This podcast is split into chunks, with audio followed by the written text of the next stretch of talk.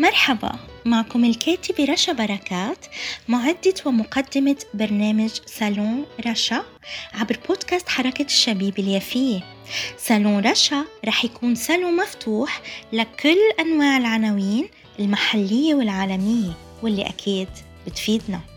اسمعونا على منصات التواصل الاجتماعي والتطبيقات Spotify Podbean Google وابل وطبعا على الفيسبوك بصفحتي بودكاست حركة الشبيب اليافية وحركة الشبيب اليافية. سالون رشا. أهلا وسهلا فيكم أعزائنا مستمعي ومتابعي ومحبي بودكاست حركة الشبيبة اليافية حول العالم. آه اليوم بصالوني صالون رشا. حبيت أستضيف شخصية فلسطينية يافية عربية شامية. أستاذنا وزميلنا أيضا في بودكاست حركة الشبيبة اليافية آه، رامي صايغ طبعا رامي صايغ عنده برنامج الماضي الحاضر في بودكاست حركة الشبيبة اليافية وسبق وعملت معه آه، حوار من ضمن حلقة حكاية رشا البرنامج حكاية رشا السابق عن الماضي الحاضر عن برنامجه اللي بعده الماضي الحاضر. أما اليوم بصالوني فالاستضافة هي مش فقط عن البرنامج إنما عن بقية الأعمال وأهدافها.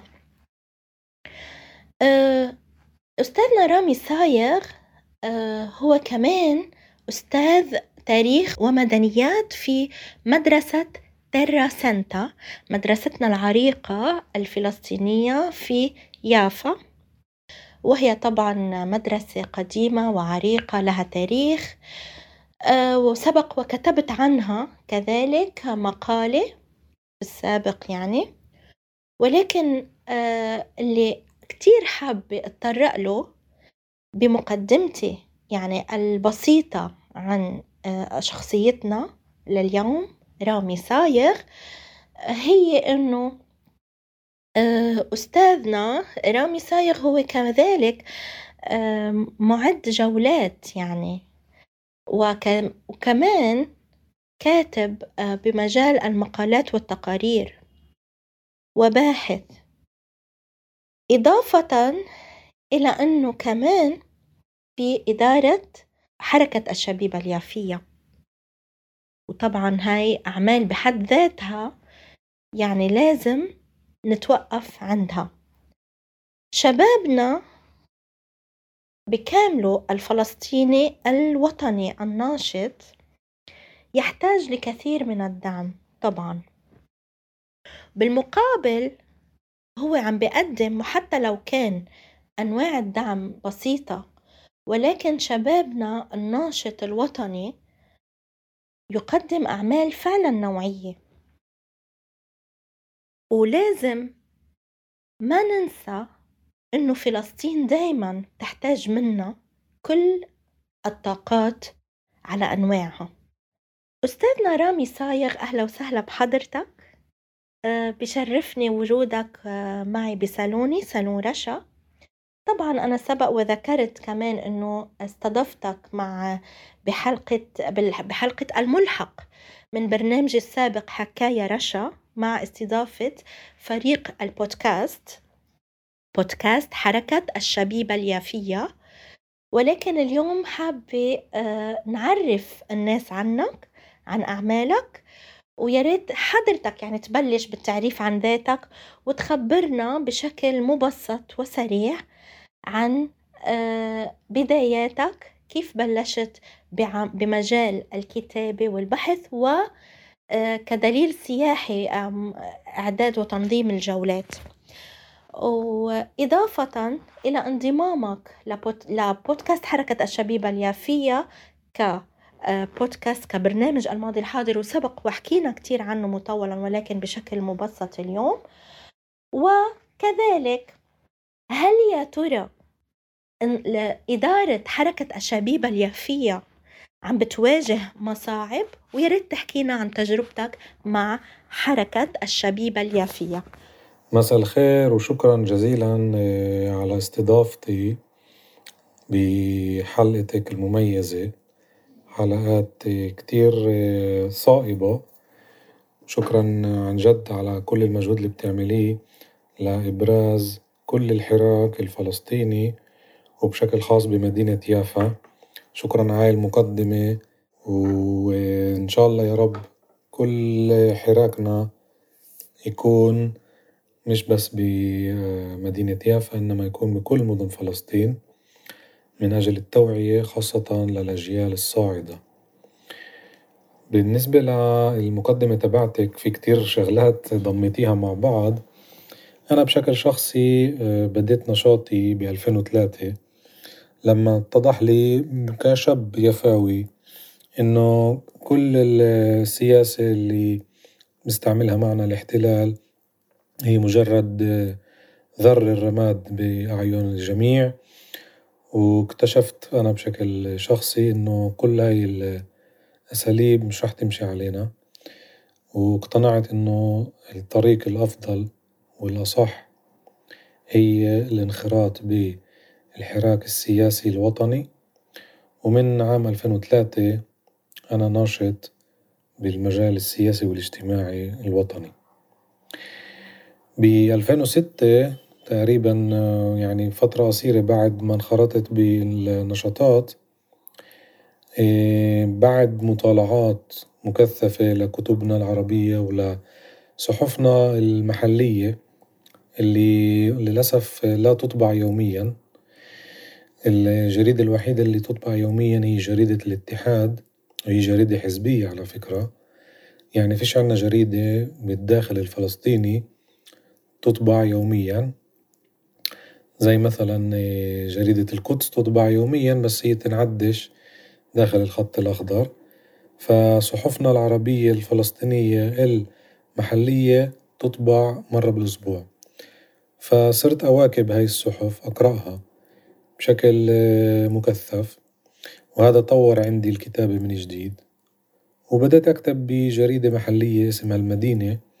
كمراسل أخبار رياضية وبشكل خاص كرة القدم بمدينة يافا والرملة واللد، ومن وقتها اتطورت بالكتابة وصرت أكتب مقالات شخصية خاصة يعني ما أنشرهاش غير بالجريدة المحلية أو بالمواقع المحلية زي يافا تمانية وأربعين، سنة ألفين وتسعة أنهيت دراستي بالجامعة المفتوحة. وحصلت على لقب تاني علوم سياسية.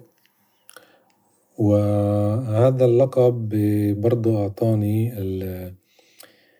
التحفيز لقراءة ومطالعة كمان وكمان كتب ومصادر تاريخية. بما إنه أنا بحب التاريخ توسعت فيه.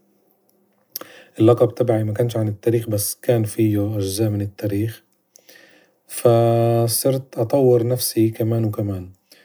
وبالألفين وتسعة بديت أعمل جولات سياحية داخل مدينة يافا. الصديق سامي أبو شحادة هو اللي شجعني. وبديت من هديك السنة اللي هي ألفين وتسعة. ولليوم الحمد لله يعني في طلب على الجولات لأن إحنا نعطي جولات عن تاريخنا الفلسطيني بدون أي تأتأة بدون أي خوف بدون أي تردد.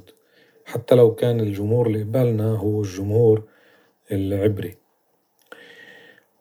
بنفس الفترة بديت أتعلم بدار المعلمين على أساس إنه أصير أستاذ للتاريخ وللأدبيات بشكل عام المواضيع الأدبية. يعني علوم سياسية علم الاجتماع مدنيات وطبعا تاريخ، بألفين وحداش بديت أعلم بالمدرسة الأرثوذكسية بيافا. علمت المواضيع الأدبية اللي ذكرتها. ولمدة تلت سنوات كنت بهاي المدرسة، هاي المدرسة على فكرة اللي تعلم فيها على ما يبدو جورج حبش، المدرسة تم احتلالها على فكرة حابب أجيب هاي الإضافة. تم احتلالها بالتمانية وأربعين من قبل الجيش الإسرائيلي وسيطر على المبنى اللي عبارة عن طابقين وخرب قد ما قدر يخرب بدون ما حدا يحاسبه طبعا، وبس سنة الألفين قدرت البطركية الأرثوذكسية آه، تحرر الوقف هذا ويتم افتتاح المدرسة الأرثوذكسية من جديد. فمن 2011 بدأت أعلم وطبعا لليوم أنا بعلم بمدرسة تراسانتا آه، المدنيات والتاريخ ومركز آه، امتحانات الوزارة اللي هي الامتحانات الإلزامية. بدونها طلابنا اليوم بيقدروش يحصلوا على تعليم عالي أو حتى أعمال مختلفة. بالنسبة ل البودكاست مربوط بحركة الشبيبة اليافية وشكرا كمان مرة أنك بتسلطي الضوء على حراك فلسطيني بمدينة يافا المنكوبة. أنا مش صدفة بقول منكوبة لأنه حراكها للأسف مش كافي. الحراك الأول اللي بدأ بيافا سنة التسعة وسبعين هو أول حراك من قبل أهالي يافا. وأهالي يافا انضموا بشكل جماعي. للجمعية الأولى اللي هي حر... آه، آسف الرابطة لرعاية شؤون عرب يافا وكان في دعم كامل من قبل أهل يافا لأنهم اشتغلوا على الموضوع البقاء وافتتاح بيوت آه، كانت مسكرة من وقت النكبة. فالحراك استمر بس إجت فترة اللي صار في ركود جديد. بعد فترة أوسلو الإشي صار واضح إنه صار في حاجة لحراك جديد وصار في حراك من قبل طلاب جامعات عرب فلسطينيين بالداخل وصار في النادي القومي كمان اللي أنا ما كنتش عضو فيه اللي كانوا أكبر مني أعضاء فيه ورجع الحراك من جديد. ألفين وعشرة صار في حاجة لكمان مرة تأسيس حراك شبابي وطني لا طائفي ولا آه، حزبي. وبالفعل تم تأسيس حركة شبيب اليافية من قبل شباب وصبايا من مدينة يافا. وانضم لنا على فكرة كمان من خارج مدينة يافا. الحراك نجح كتير لدرجة إنه تاني سنة 2011 نظمنا مسيرة العودة داخل مدينة يافا. ابتدأنا المسيرة من جنب بلدية يافا اللي موجودة بشارع النزهة ومشينا بشارع النزهة لحد ما يقال جنينة الغزازوة اللي حديقة جنب شارع الحلوة. وعملت هاي المظاهرة ضجة إعلامية لدرجة إنه الصحافة العبرية غطت هذا الإشي واستغربت إنه كيف في صحوة فلسطينية عام 2011 بعد ثلاث سنين من تأسيسنا نظمنا حالنا بشكل رسمي وقررنا إنه نتحول لجمعية. فمن سنة 2013 صرنا جمعية حركة الشبيبة اليافية وكملنا بفعالياتنا ونشاطاتنا وخرطنا كيف بقولوا على إيه، علمنا إنه عنا خمس أهداف. تعزيز. الهوية الفلسطينية تعزيز اللغة العربية تعزيز روح التطوع العمل على المساواة بين الرجل والمرأة بالمجتمع اليفاوي وآخر هدف اللي حققناه كمان بشكل مكثف هو التوجيه المهني والدراسي لأهالي يافا الطلاب الموجودين بالمدارس. حققنا لمدة ثلاث سنين مشروع توجيه مهني ودراسي ونجحنا فيه وقدرنا نوجه عشرات إذا مش أكتر من الطلاب اليافيين بالمدارس العربية أغلبها المدارس الحكومية. ونجحنا إنه نرشدهم ونوجههم ناحية مهنية وتعليمية. البودكاست هو جزء من حراك حركة الشبيبة اليافية. بشهر تمانية ألفين وعشرين بدينا التجربة ونجحت هاي التجربة. وبدينا نعمل حلقات. أول ما بدينا على فكرة الحلقات كانت كتيرة. كان كل أسبوع تقريبا حلقة عن مواضيع اجتماعية سياسية رياضية تاريخية. الحمد لله البودكاست مستمر لليوم. في الحلقة تبعتك طبعا هاي الحلقة أو البرنامج آسف برنامجك. وفي البرنامجي اللي هو الماضي الحاضر اللي بيحكي عن قضايا اللي بتخصنا إحنا كمجتمع فلسطيني عن تاريخنا وحاضرنا. ونذكر كمان مدننا وقرانا جزء منها القرى المهجرة. وبعمل استضافات برضه مع ضيوف فلسطينيين لنحكي عن هاي المواضيع. أما ما يخص بإدارة حركة الشبيبة اليافية هذا جزء لا يتجزأ من الحراك. لأنه لما تكون جمعية في حاجة إنه يكون في إدارة وأنا واحد من أعضاء الإدارة والوظيفة هاي مش وظيفة طبعا بمقابل إنما تطوع وهذا الإشي جزء من الأهداف تبعتنا اللي هي نشر روح التطوع بمدينة يافا عند الشباب الصاعد. سبق واستضفتني ببرنامجك الماضي الحاضر أه وتناقشنا حول كتابي وحول أمور أخرى من أعمالي. أه ولكن كذلك الأمر أه أعددت ونظمت حلقة واستضفت فيها حضرتك أه الكاتب كمان والمؤرخ واللي بوجه له تحية كبيرة كمان يوسف عصفور. وناقشت فيها كتابي كتابي البحث السردي طبعا لم أتذوق برتقال جدي. وهو أنا كمان حبيت أعمله يعني وأكتبه كم مش بس بحث فلسطيني تاريخي وغيره وكذلك يكون مستند ما بين إيدينا. يعني المطالبة بحقوقنا نحن الشعب الفلسطيني أحقيتنا بأرضنا. ولكن سؤالي لحضرتك إنه كمان عندك سبق وكتبت تقارير حول الأملاكنا الملاكين الفلسطينيين وغيره في يافا بالتحديد وكذلك غيرها. وناقشت كمان موضوع قصر ست وردة إضافة يعني اللي هو بيملكه جدي عبد الرؤوف بركات ونحن آل بركات يعني الإخوة. وكذلك الدار الكبير دار بركات كمان اللي تابع لأخوة آل بركات جميعنا. يعني جدي وإخوانه اثنين حسن وزكي بركات. وتطرقنا على أنه عدا على البيارات وغيره بيافا والجوار واللد والرمل وغيره. وتطرقنا لهاي المواضيع وأنا كمان كنت بنفسي كاتبة بيان رافض لإستعمال أملاكنا بهذا الشكل المريب وال... والقاسي وال... وغير الشرعي خلينا نقول حتى لو تشرعت الأمور والقوانين لدى الاحتلال ولكن هذا يعني هذا التشريع أنا برأيي هو باطل وليس شرعي يعني لأنه بغير حق. وسبق حضرتك كتبت عن هاي الأمور وتطرقت إلها وحاولت تفندها ولازلت تبحث عن باقي الملاكين وغيرهم. فهل هاي الكتابات حسيتها عم بتلاقي صدى بمجتمعنا الفلسطيني؟ آه عم بتلاقي متابعة من قبل الملاكين وغير الملاكين من قبل الشعب الفلسطيني ككل آه في الداخل الفلسطيني يعني في مدننا ال 48 أنا بدي أكون صريح معك بالنسبة للكتابات هي تنشر بمواقع عربية.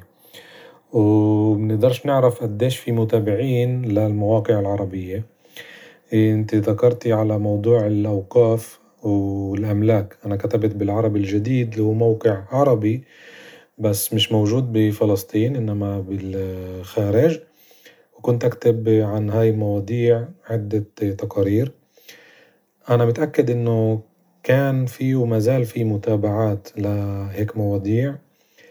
وحتى مرة لقيت بالصدفة إنه تقريري موجود بموقع تاني. يعني كأنه نسخوه ولزقوه بموقع تاني اللي هو مش موقع معروف يعني.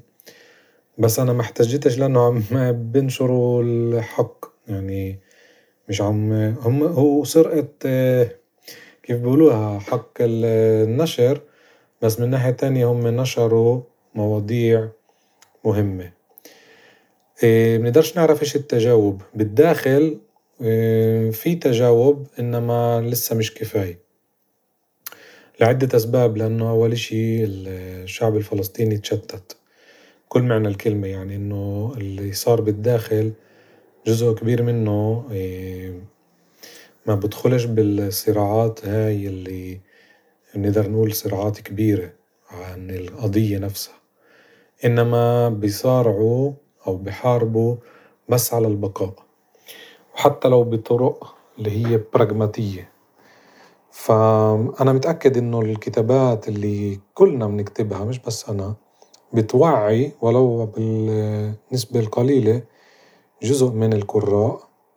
والجزء التاني للأسف اللي بقرأش هو الخسران لأنه كتير معلومات بتروح عليه وبقرأهاش وبطالعهاش. وبنسى طبعا وتمرق السنوات وبصير الإشي كأنه طبيعي زي مثلا الأملاك اللي إنت ذكرتيها وفي ملان متلها بيافا وبالمدن الفلسطينية. يعني الأملاك هادي اللي انسرقت بكل معنى الكلمة هاي أغلب أهالي يافا اليوم الجيل اللي أصغر مني أنا من مواليد التمانية وسبعين يعني الأصغر مني حتى أجيالي بيعرفوهاش. إلا إذا قرأوا وطالعوا وبحثوا واستفسروا واهتموا. فإن شاء الله إن شاء الله هاي الكتابات تكون موجهة لإرشاد اللي مش عارف عن تاريخنا الحديث اللي هو مش من زمان.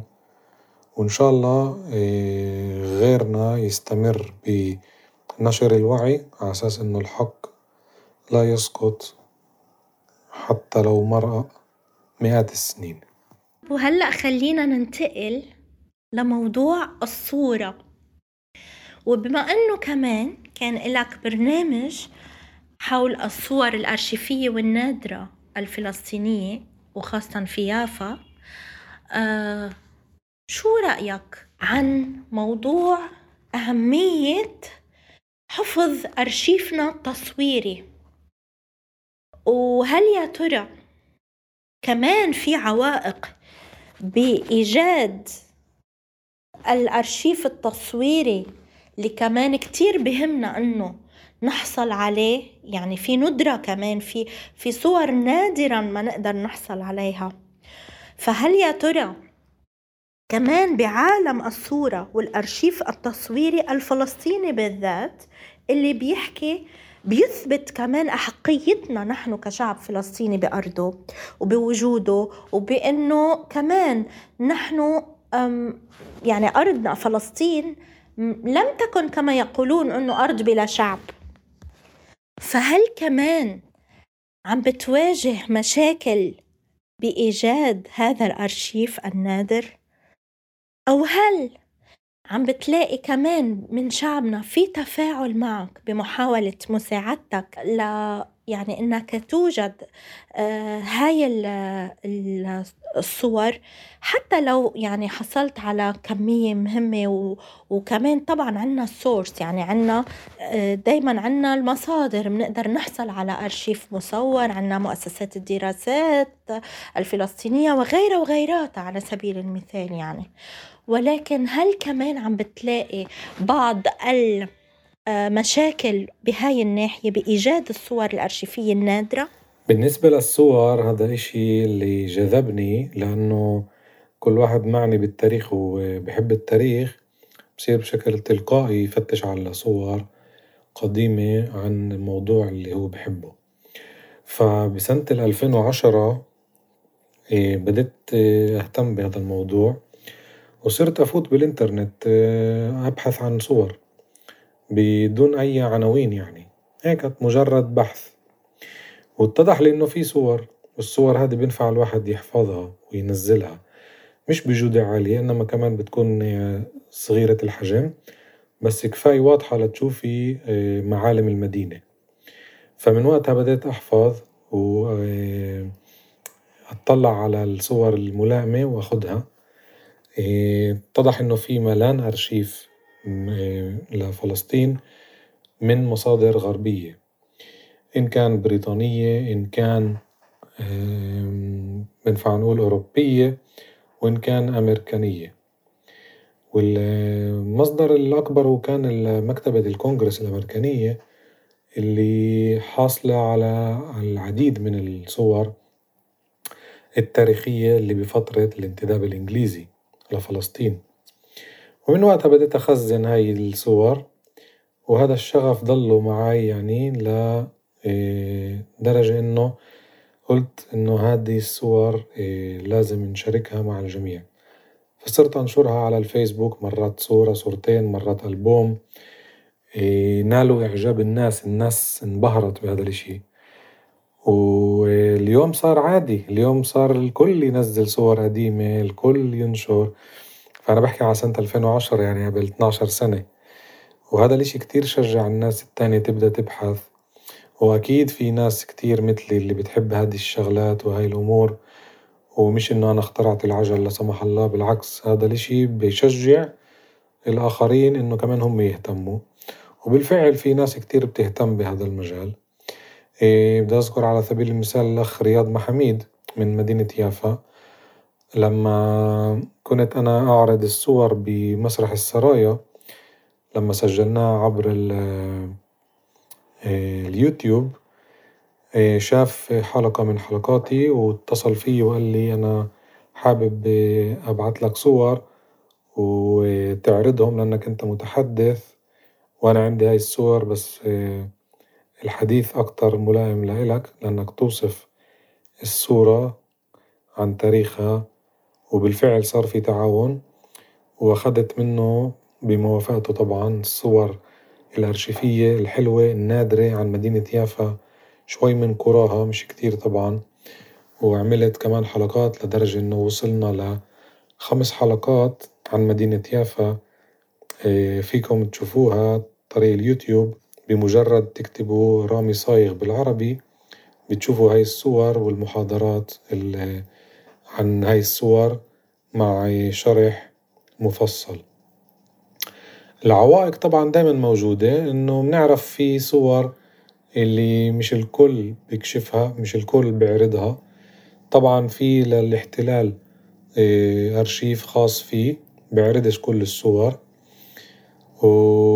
بس بفكر إنه العوائق أقل من التسهيلات، اليوم الإشي مفتوح أكتر من قبل ومتاح للجميع وبيقدر الواحد يعمل إله ألبوم. خاص فيه طبعا من أجل التخزين والأرشيف والأرشفة اللي كتير كتير كتير ضرورية ومهمة لتوعي كل الأجيال، بالنسبة للتفاعل برجع بقول إنه في تفاعل والإثبات هو إنه الناس صارت تعرض بالفيسبوك بالإنستجرام صور قديمة وهذا الإشي كتير إيجابي ولصالحنا وإن شاء الله يستمر. وختاما يا أستاذنا رامي صايغ أنا حابة أسألك بصراحة هل في سؤال حابب إني كنت أسألك إياه وتجاوب عنه؟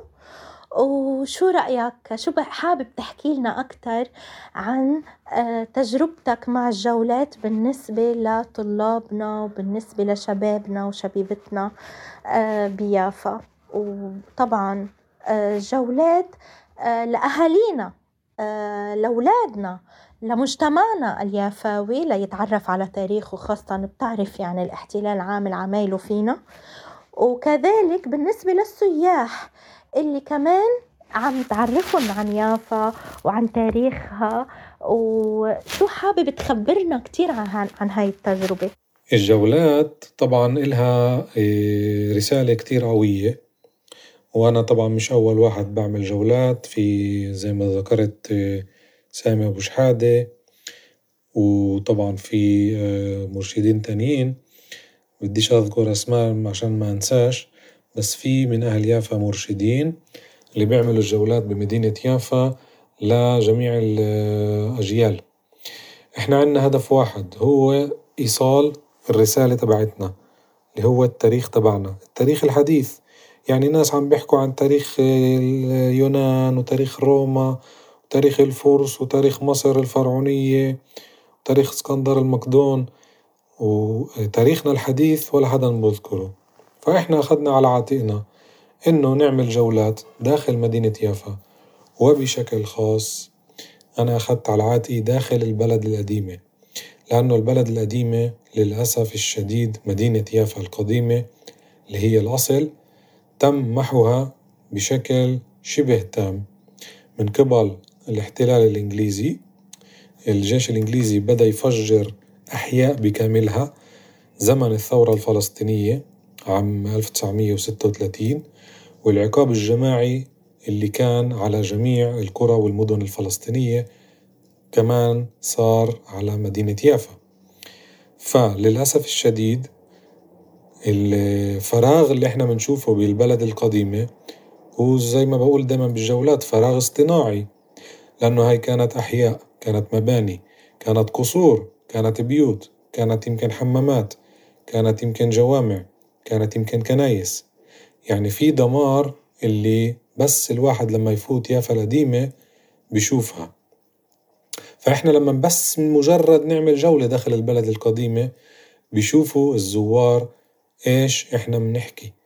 إنه مش جايبين الإشي من خيالنا إنما من الحقائق اللي موجودة بتاريخنا. جمهور الهدف هو طبيعي للجميع مش بس لأهالينا على فكرة بس طبعا بالأساس لأهالينا على أساس إنه في محو وطمس للمعلومات وللحقائق اللي بتحكي عن تاريخ مدينة يافا الفلسطينية. يعني بيجيبوا بجولات تانية تاريخ يافا القديم بس لما بوصلوا القرن العشرين فجأة بصيروا يجيبوا سيرة الهجرة اليهودية ترميم المينا والرباط أو الترابط مع تل أبيب اللي هي جزء من يافا. بذكروش الحقيقة الفلسطينية إنه كيف يافا هي الأساس وهي البلدة القديمة. من هناك انتشرت الأحياء. خارج البلدة القديمة وليس العكس.